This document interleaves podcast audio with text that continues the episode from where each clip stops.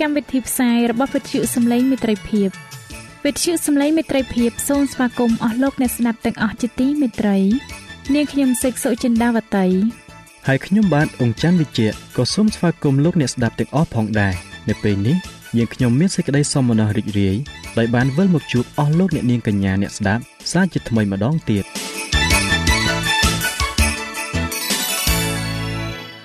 នាងខ្ញុំសេកសុចិន្តាវតី សូមជម្រាបជូនកម្មវិធីផ្សាយ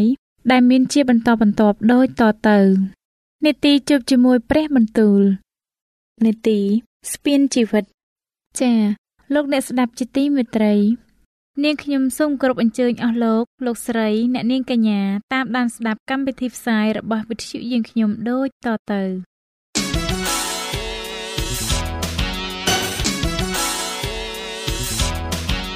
នេតិ ជួបជាមួយព្រះបន្ទូល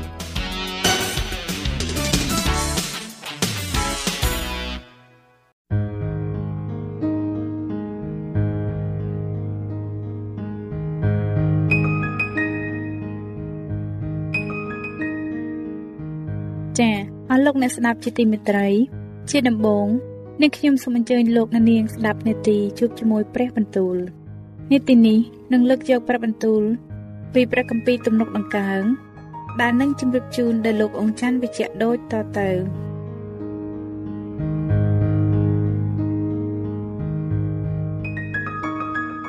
ព្រះគម្ពីរទំនុកដំកើងចំពុកទី101ទូលបង្គំ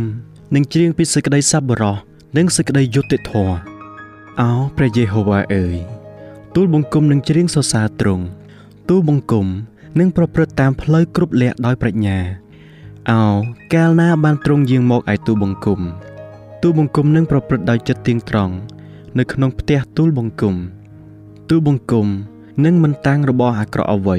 នៅចំពោះភ្នែកទូលបង្គំឡើយទូលបង្គំខ្ពើមកិច្ចការរបស់ពួកអ្នកដែលមិនទៀងកិច្ចការទាំងនោះនឹងមិនជាប់នៅខ្លួនទូបង្គំឡើយចិត្តវាចកោងនឹងត្រូវថយចេញពីទូបង្គំទៅ ទូលបង្គំ មិនព្រមស្គាល់សេចក្តីអាក្រក់ទេឯអ្នកណាដែលបង្កាច់អ្នកចិត្តខាងខ្លួនដោយសម្ងាត់នោះទូបង្គំនឹងបំផ្លាញចេញហើយអ្នកណាដែលមានរឹកខ្ពស់នឹងចិត្តឆ្មាំងឆ្មៃនោះទូបង្គំនឹងទ្រាំមិនបានឡើយឯភ្នែកទូបង្គំនឹងនៅលើពួកអ្នកស្មោះត្រង់ក្នុងស្រុក ដើម្បីឲ្យគេបាននៅជាមួយនឹងទូបង្គំវិញ អ្នកណាដែលប្រព្រឹត្តតាមផ្លូវទៀងត្រង់អ្នកនោះឯងនឹងបំរើទូបង្គំឯអ្នកណាដែលប្រព្រឹត្តដោយភូតភរ នោះនឹងនៅក្នុងផ្ទះទូលបង្គំមិនបាន អ្នកណាដែលពលកុហកក៏មិនធន់នៅចំពោះមុខទូលបង្គំដែររាល់តែព្រឹកទូលបង្គំនឹងបំផ្លាញអស់ពួកមនុស្សអាក្រក់ចេញពីស្រុកទៅ ដើម្បីនឹងកាត់កាលឲ្យទាំងមនុស្សដែលប្រព្រឹត្តសេចក្តីទុច្ចរិតចេញពីទីក្រុងនៃព្រះយេហូវ៉ាបង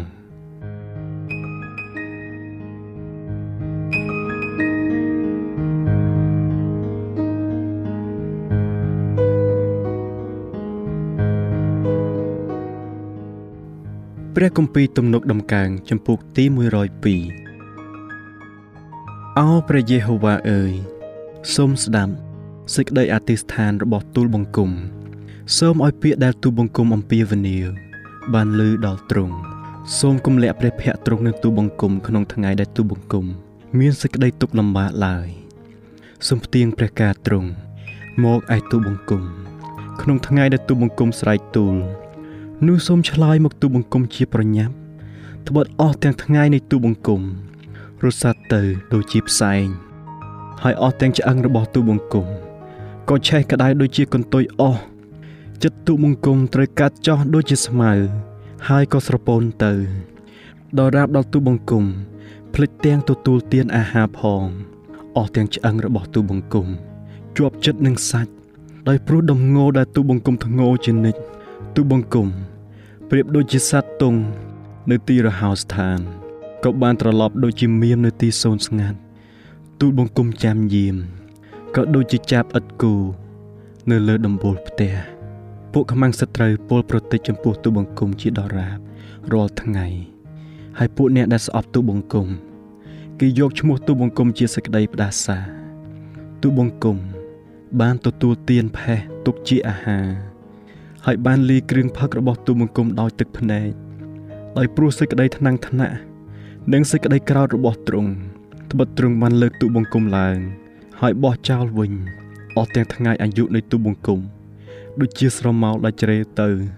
ហើយទូបង្គំក្រៀមទៅដូចជាស្មៅប៉ុន្តែអោព្រះយេហូវ៉ាអើយទ្រង់នឹងគង់សោយរាជនៅអស់កលជានិច្ចហើយនឹងមានសេចក្តីនឹកចាំពីទ្រង់ នៅអស់ទាំងដំណរមនុស្សតទៅ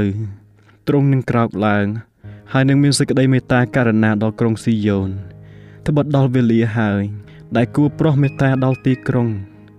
អើពេលកំណត់បានមកដល់ហើយ ពីព្រោះពួកអ្នកបំរើទ្រង់គេអាឡ័យដល់អស់ទាំងថ្ម ហើយក៏ស្ដាយស្រណោះដល់ធូលីដីនៃទីក្រុងយ៉ាងនោះពួកសាសដតីនឹងកោតខ្លាចដល់ព្រះនាមព្រះយេហូវ៉ា ហើយអស់ទាំងស្ដេចនៅផែនដីនឹងក្រាញ់ខ្លាចដល់ស្រីល្អនៃទ្រង់ត្បិតព្រះយេហូវ៉ាទ្រង់នឹងសង់ក្រុងស៊ីយ៉ូនឡើងវិញ ហើយនឹងសេចក្តីលេចមកក្នុងសេរីល្អនៃទ្រង់ទ្រង់តែងតែទទួលសេចក្តីអធិស្ឋានរបស់មនុស្សវេទនាអត់ដែលមើងងាយចំពោះពាក្យសូមអង្វររបស់គេឡើយសេចក្តីនេះនឹងបានកត់ទុកសម្រាប់ដំណរមនុស្សជាន់ក្រោយឲ្យបណ្ដាមនុស្សដែលនឹងកើតឡើង បានសរសើរដំកើងដល់ព្រះយេហូវ៉ា ត្បិតទ្រង់បានក្រឡេកតូចពីជាន់ខ្ពស់នៃទីបរិសុទ្ធទ្រង់គឺព្រះយេហូវ៉ាបានតូចពីស្ថានសួគ៌មក ពិចារណាមើលផែនដី ដើម្បីនឹងស្ដាប់ដំណងរបស់ពួកឆ្លើយហើយនឹងស្រាយលែងអស់អ្នកដែលបានតម្រូវឲ្យត្រូវស្លាប់ប្រយោជន៍ឲ្យមនុស្សទាំងឡាយបានប្រកាសព្រះនាម នៃព្រះយេហូវ៉ានៅក្រុងស៊ីយ៉ូន និងសេចក្តីសរសើរទ្រង់នៅក្រុងយេរូសាឡឹមក្នុងកាល ដែលអស់ទាំងសះបានប្រជុំមូលគ្នាព្រមទាំងនគរទាំងប៉ុន្មានផង ដើម្បីនឹងគោរពប្រតិបត្តិដល់ព្រះយេហូវ៉ាទ្រង់បានធ្វើឲ្យកម្លាំងរបស់ទូបង្គំអន់ថយទៅ នៅកណ្ដាលផ្លូវទ្រង់បានពង្រួញថ្ងៃអាយុរបស់ទូបង្គំហើយ ទូបង្គំបានទូថាអោព្រះនៃទូបង្គំអើយទ្រង់មានព្រះជន្មស្ថិតស្ថេរនៅដល់រាបដល់អស់ទាំងដំណរមនុស្សតទៅសូមគំដកទូបង្គំចេញ នៅវេលាកណ្ដាលអាយុទូបង្គំឡើយ កាលដើមដំបូងទ្រង់បានតាំងរឹសផែនដី ហើយផ្ទៃមេឃក៏ជាស្នាដៃរបស់ព្រះហស្ថទ្រង់ដែររបស់ទាំងនោះនឹងវិនិច្ឆ័យសូន្យទៅពិត តែទ្រង់នឹងស្ថិតស្ថេរនៅវិញអើរបស់ទាំងនោះនឹងចាស់ទៅ ដូចជាសម្លៀកបំពាក់ហើយទ្រង់នឹងផ្លាស់ចេញដូចជាផ្លាស់អាវដូច្នេះនឹងបានផ្លាស់ចេញជាពិតប៉ុន្តែ ឯទ្រង់ទ្រង់នៅដដែលហើយព្រះជន្មទ្រង់មិនចេះផុតឡើយចំណែកកូនចៅរបស់ពួកអ្នកបម្រើទ្រង់គេនឹងចេះតែមាននៅ ហើយពូជពងរបស់គេនឹងបានតាំងនៅចំពោះទ្រង់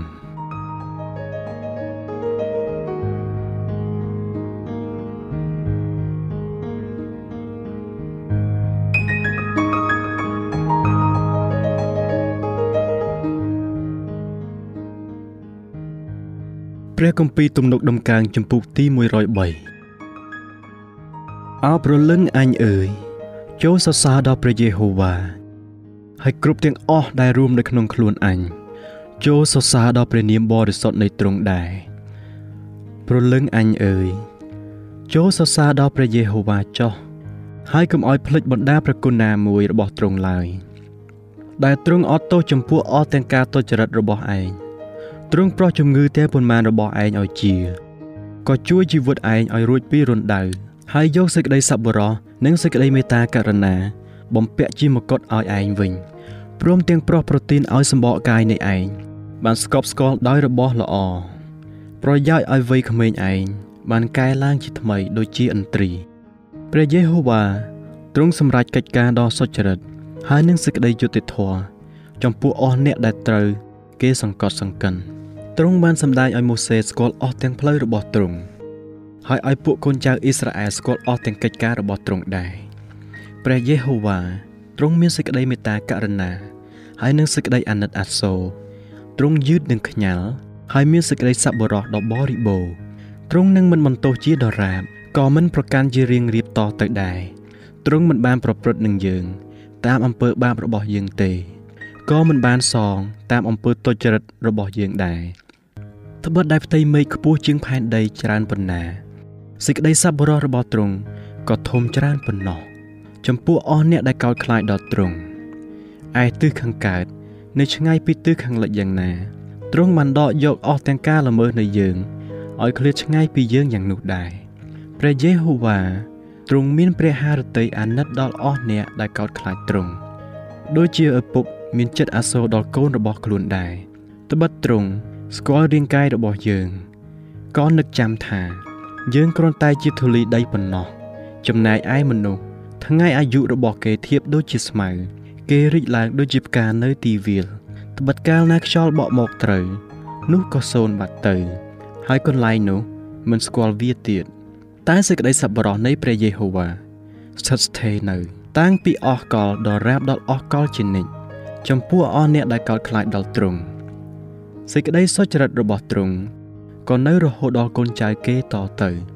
គឺដល់អស់អ្នកដែលកាន់តាមសេចក្តីសញ្ញាទ្រង់និងពួកអ្នកដែលនឹកចាំពីអស់ទាំងសេចក្តីបញ្ញត្តិទ្រង់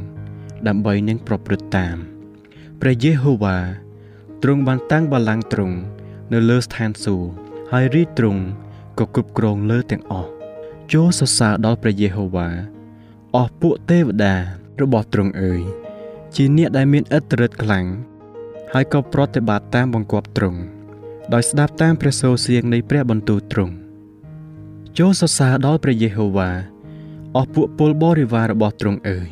ជាពួកអ្នកបម្រើទ្រង់ដែលធ្វើតាមព្រះハរតីអស់ទាំងស្នាដៃរបស់ទ្រង់អើយចូលសរសើរដល់ព្រះយេហូវ៉ានៅគ្រប់ទីកន្លែងដែលទ្រង់មានអំណាចព្រលឹងអញអើយចូលសរសើរដល់ព្រះយេហូវ៉ាចោះ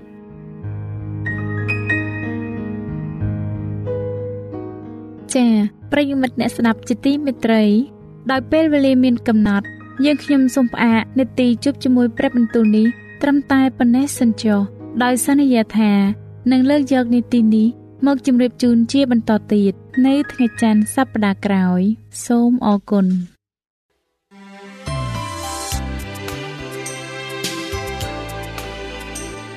វិទ្យុសំឡេងមេត្រីភាព AWR ជាវិទ្យុដែលនាំមកពី ក្នុងការនាំព្រះរាជសាររបស់ព្រះជាម្ចាស់សម្រាប់លោកអ្នក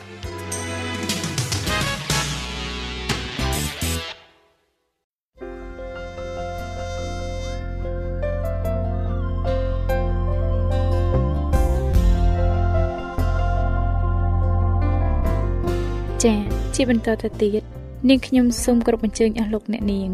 តាមដានស្ដាប់នេតិស្ពានជីវិត ដែលនឹងជម្រាបជូនដល់លោកអង្ចាន់វិជ្ជៈដូចតទៅ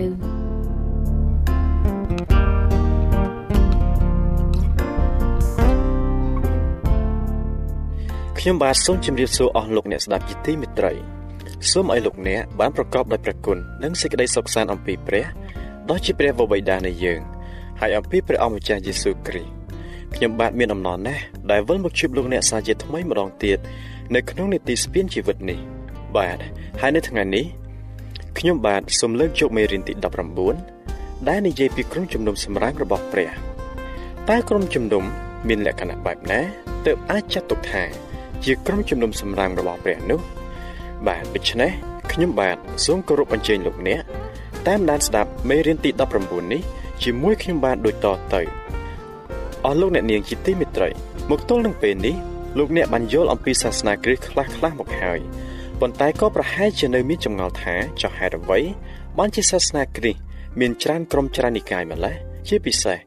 ហេតុអ្វីក៏មានអ្នកខ្លះថ្វាយបង្គំនៅថ្ងៃសៅរ៍ហើយខ្លះទៀតថ្វាយបង្គំព្រះនៅថ្ងៃអាទិត្យយ៉ាងដូចនេះចំណុចទី1ការបំបត្តិក្រុមជំនុំដើមប្រហែលជា100ឆ្នាំបន្ទាប់ពីព្រះយេស៊ូវបានយាងត្រឡប់ទៅស្ថានសួគ៌វិញនៅប្រទេសរ៉ូមសពថ្ងៃជាប្រទេសអ៊ីតាលីមានព្រឹទ្ធាចារ្យម្នាក់ឈ្មោះប៉ូលីកាប ជាអ្នកដឹកនាំនៃព្រះវិហារមួយឈ្មោះស្មើណាបានជាប់នៅក្នុងមន្ទីរឃុំឃាំងដោយសារគាត់បានជឿទៅលើព្រះយេស៊ូវគ្រីស្ទដែលជាព្រះអង្គសង្គ្រោះកាលនោះប្រជារាស្ត្រភាគច្រើនគេថ្វាយបង្គំព្រះអាទិត្យនិងព្រះរាជាសេសារដ្ឋាភិបាលបានចាប់ចងនិងកាប់សម្លាប់ដល់អ្នកណាដែលមិនព្រមថ្វាយបង្គំតាមពួកគេ ហើយថ្ងៃមួយអ្នកកាន់អំណាចរ៉ូមម្នាក់បាននិយាយទៅកាន់ប៉ូលីកាបថា អ្នកចាស់ហើយគួរតែបានសម្រាក ប្រសិនបើអ្នកបដិសេធព្រះគ្រីស្ទហើយមកថ្វាយបង្គំព្រះចៅសេសាវិញនោះយើងនឹងដោះលែងឯងមិនតើឯងគិតដូចម្តេចដែរប៉ូលីកាបក៏ឆ្លើយថាខ្ញុំបានបម្រើព្រះ86ឆ្នាំហើយទ្រង់មិនដែលបានធ្វើអ្វីខុសដល់ខ្ញុំសោះតែធ្វើម៉េចឲ្យខ្ញុំអាចប្រមាថដល់ស្ដេចរបស់ខ្ញុំដែលបានសង្គ្រោះខ្ញុំ ដោយទៅថ្វាយបង្គំអ្នកដតីទៀតវិញយ៉ាងដូចនេះបាន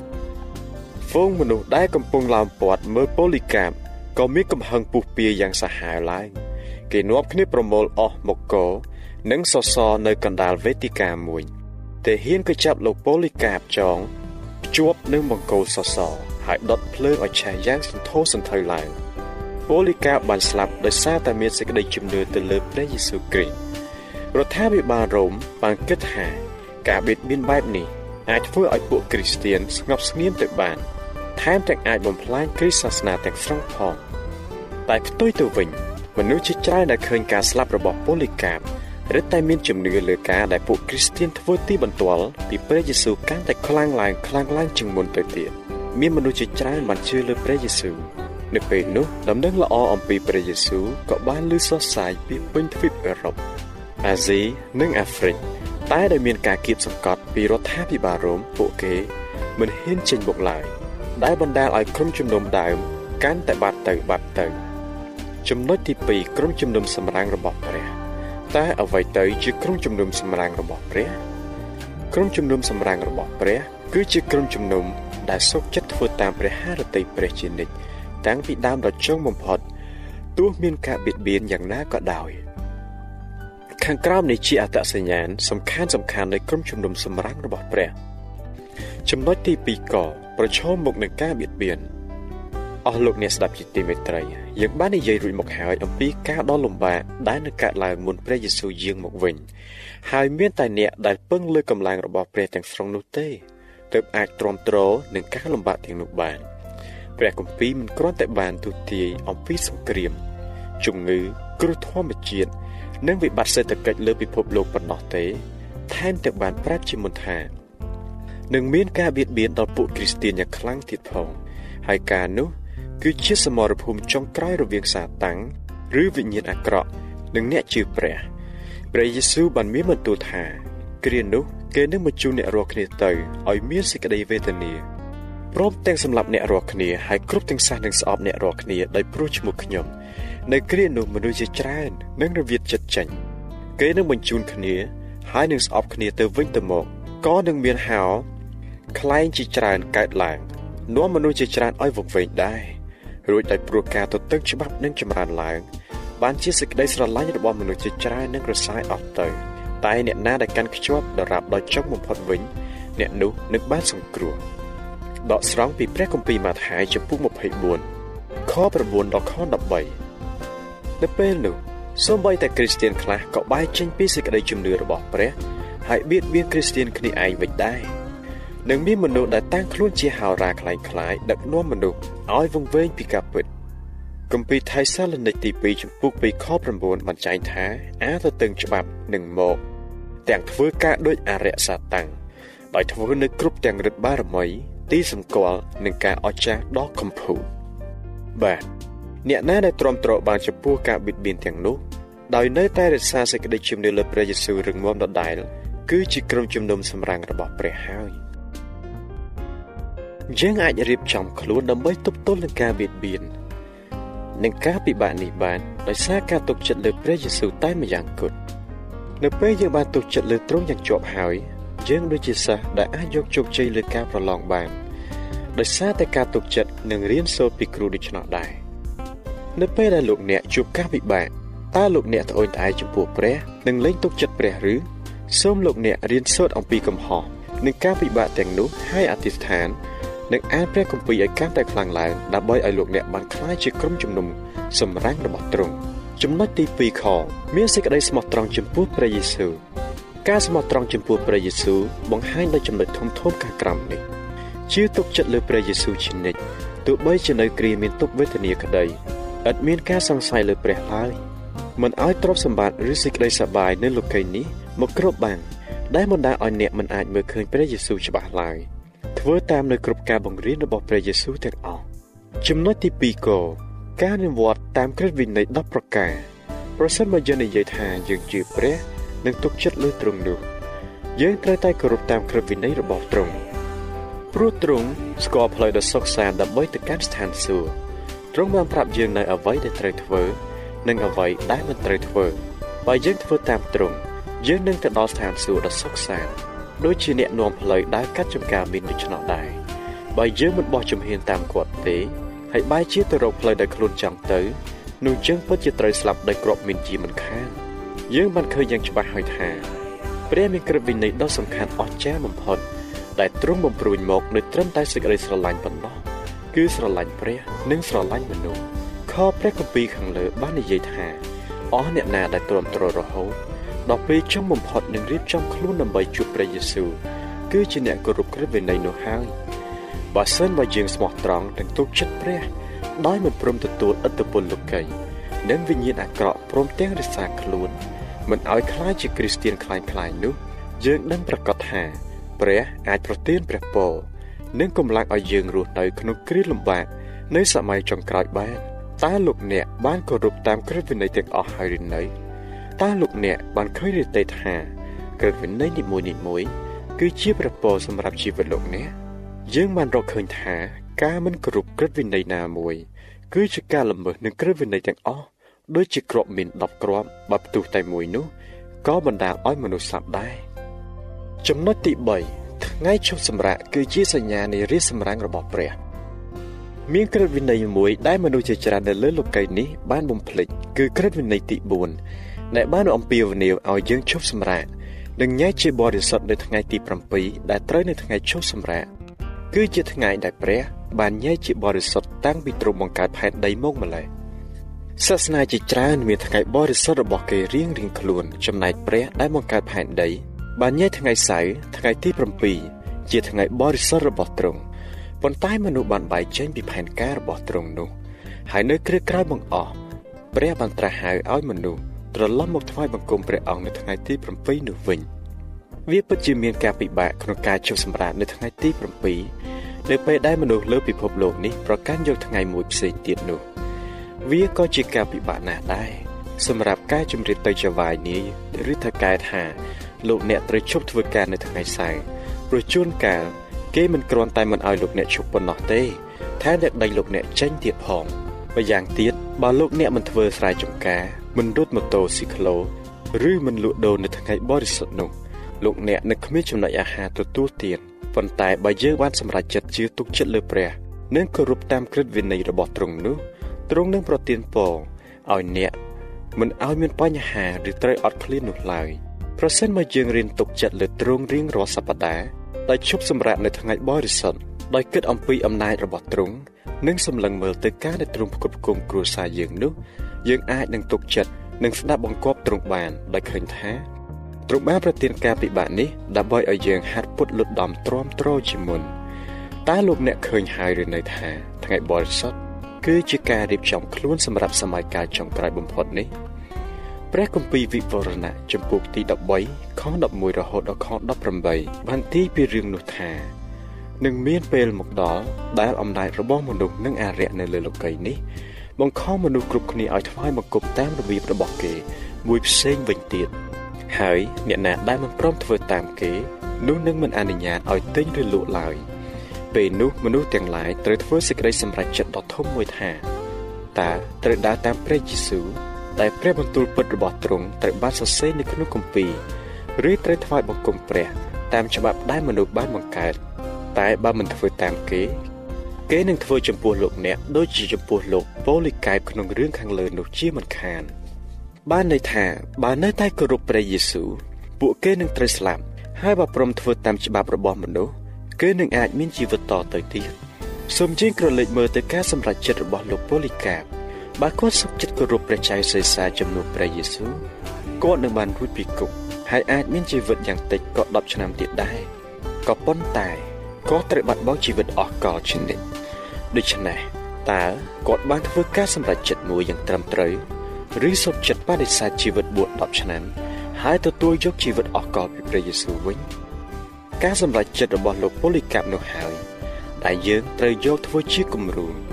ប៉ុន្តែប្រហែលជាយើងមិនត្រូវស្លាប់ដូចលោកប៉ូលីកាប់ឡើយគ្រាន់តែជួបប្រទះការពិបាកខ្លះខ្លះតែប៉ុណ្ណោះដោយព្រះយេស៊ូវបានមានបន្ទូលនៅក្នុងព្រះគម្ពីរម៉ាកុស ជំពូក8ខ35ថាបើអ្នកណាដែលចង់រួចជីវិតនឹងបាត់ជីវិតទៅ តែអ្នកណាដែលបាត់ជីវិតដោយយល់ដល់ខ្ញុំ ហើយនឹងដំណឹងល្អនោះនឹងបានជីវិតវិញព្រះយេស៊ូវបានមានបន្ទូលប្រាប់លោកយូហាន នៅក្នុងគម្ពីរវិវរណៈជំពូកទី2ខ10ថាកុំឲ្យឯងខ្លាចសេចក្តីដែលឯងត្រូវរងទុក្ខនោះឡើយមើលអរិយវារៀបនឹងបោះពួកឯងខ្លះទៅក្នុងគុកហើយដើម្បីនឹងលបងលោមើលឯង នោះឯងរកគ្នានឹងវេទនាអស់10ថ្ងៃដូច្នេះចូលនៅជាស្មោះត្រង់ដល់រាបដល់ស្លាប់ចោះនោះអញនឹងឲ្យមកកត់នៃជីវិតដល់ឯងបាទអស់លោកអ្នកស្ដាប់ជាទីមេត្រី ពេលវេលានៃនីតិស្ពានជីវិតរបស់យើង បានមកដល់ទីបញ្ចប់ហើយខ្ញុំបាននឹងវិលមកជួបលោកអ្នកជាថ្មីម្ដងទៀតនៅក្នុងនីតិរបស់យើងលើកក្រោយ ដោយនឹងនាំយក នៅភាគទី2នៃមេរៀនដដែលនេះមកជូនលោកអ្នកស្ដាប់ជាបន្តទៀតបាទដូច្នេះ សូមឲ្យព្រះជាម្ចាស់ប្រទានពរដល់អស់លោកអ្នកបងប្អូនទាំងអស់គ្នា សម្រាប់ពេលនេះខ្ញុំបាទអង្គច័ន្ទវិជ្ជាសូមអរគុណនិងសូមជម្រាបលា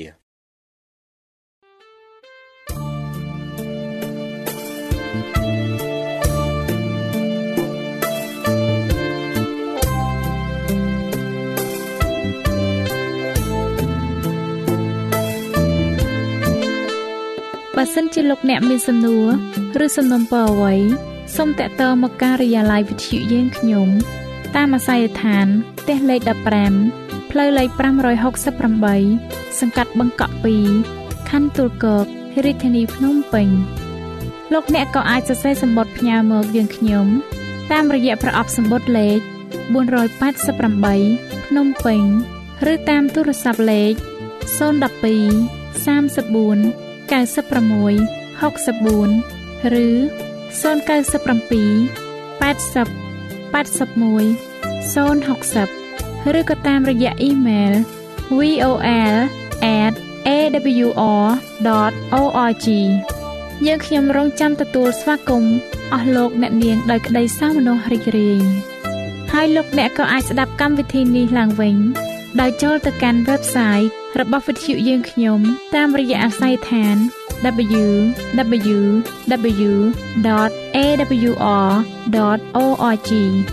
លោកអ្នកនាងកញ្ញាជាទីមេត្រី កម្មវិធីផ្សាយរបស់វិទ្យុសំឡេងមេត្រីភាពនៅពេលនេះសូមបញ្ចប់តែប៉ុណ្ណេះយើងខ្ញុំសូមអរគុណចំពោះការតាមដានស្ដាប់របស់អស់លោកអ្នកតាំងពីដើមរហូតដល់ចប់យើងខ្ញុំសូមជូនពរឲ្យអស់លោកអ្នកនាងកញ្ញាទាំងអស់បានចម្រើនឡើងក្នុងព្រះគុណព្រះអង្គម្ចាស់ ហើយក្នុងការទទួលយកព្រះយេស៊ូវគ្រីស្ទជាព្រះអង្គម្ចាស់និងជាព្រះអង្គសង្គ្រោះនៃយើងរាល់គ្នានាទីផ្សាយរបស់វិទ្យុយើងខ្ញុំនឹងវិលមកជួបអស់លោកអ្នកសាជាថ្មីម្ដងទៀតនៅថ្ងៃស្អែកវេលាម៉ោងដដែលនាងខ្ញុំសេកសុចិន្តាវតីនិងខ្ញុំបាទអ៊ំច័ន្ទវិជ្ជៈសូមអរគុណសូមជម្រាបលា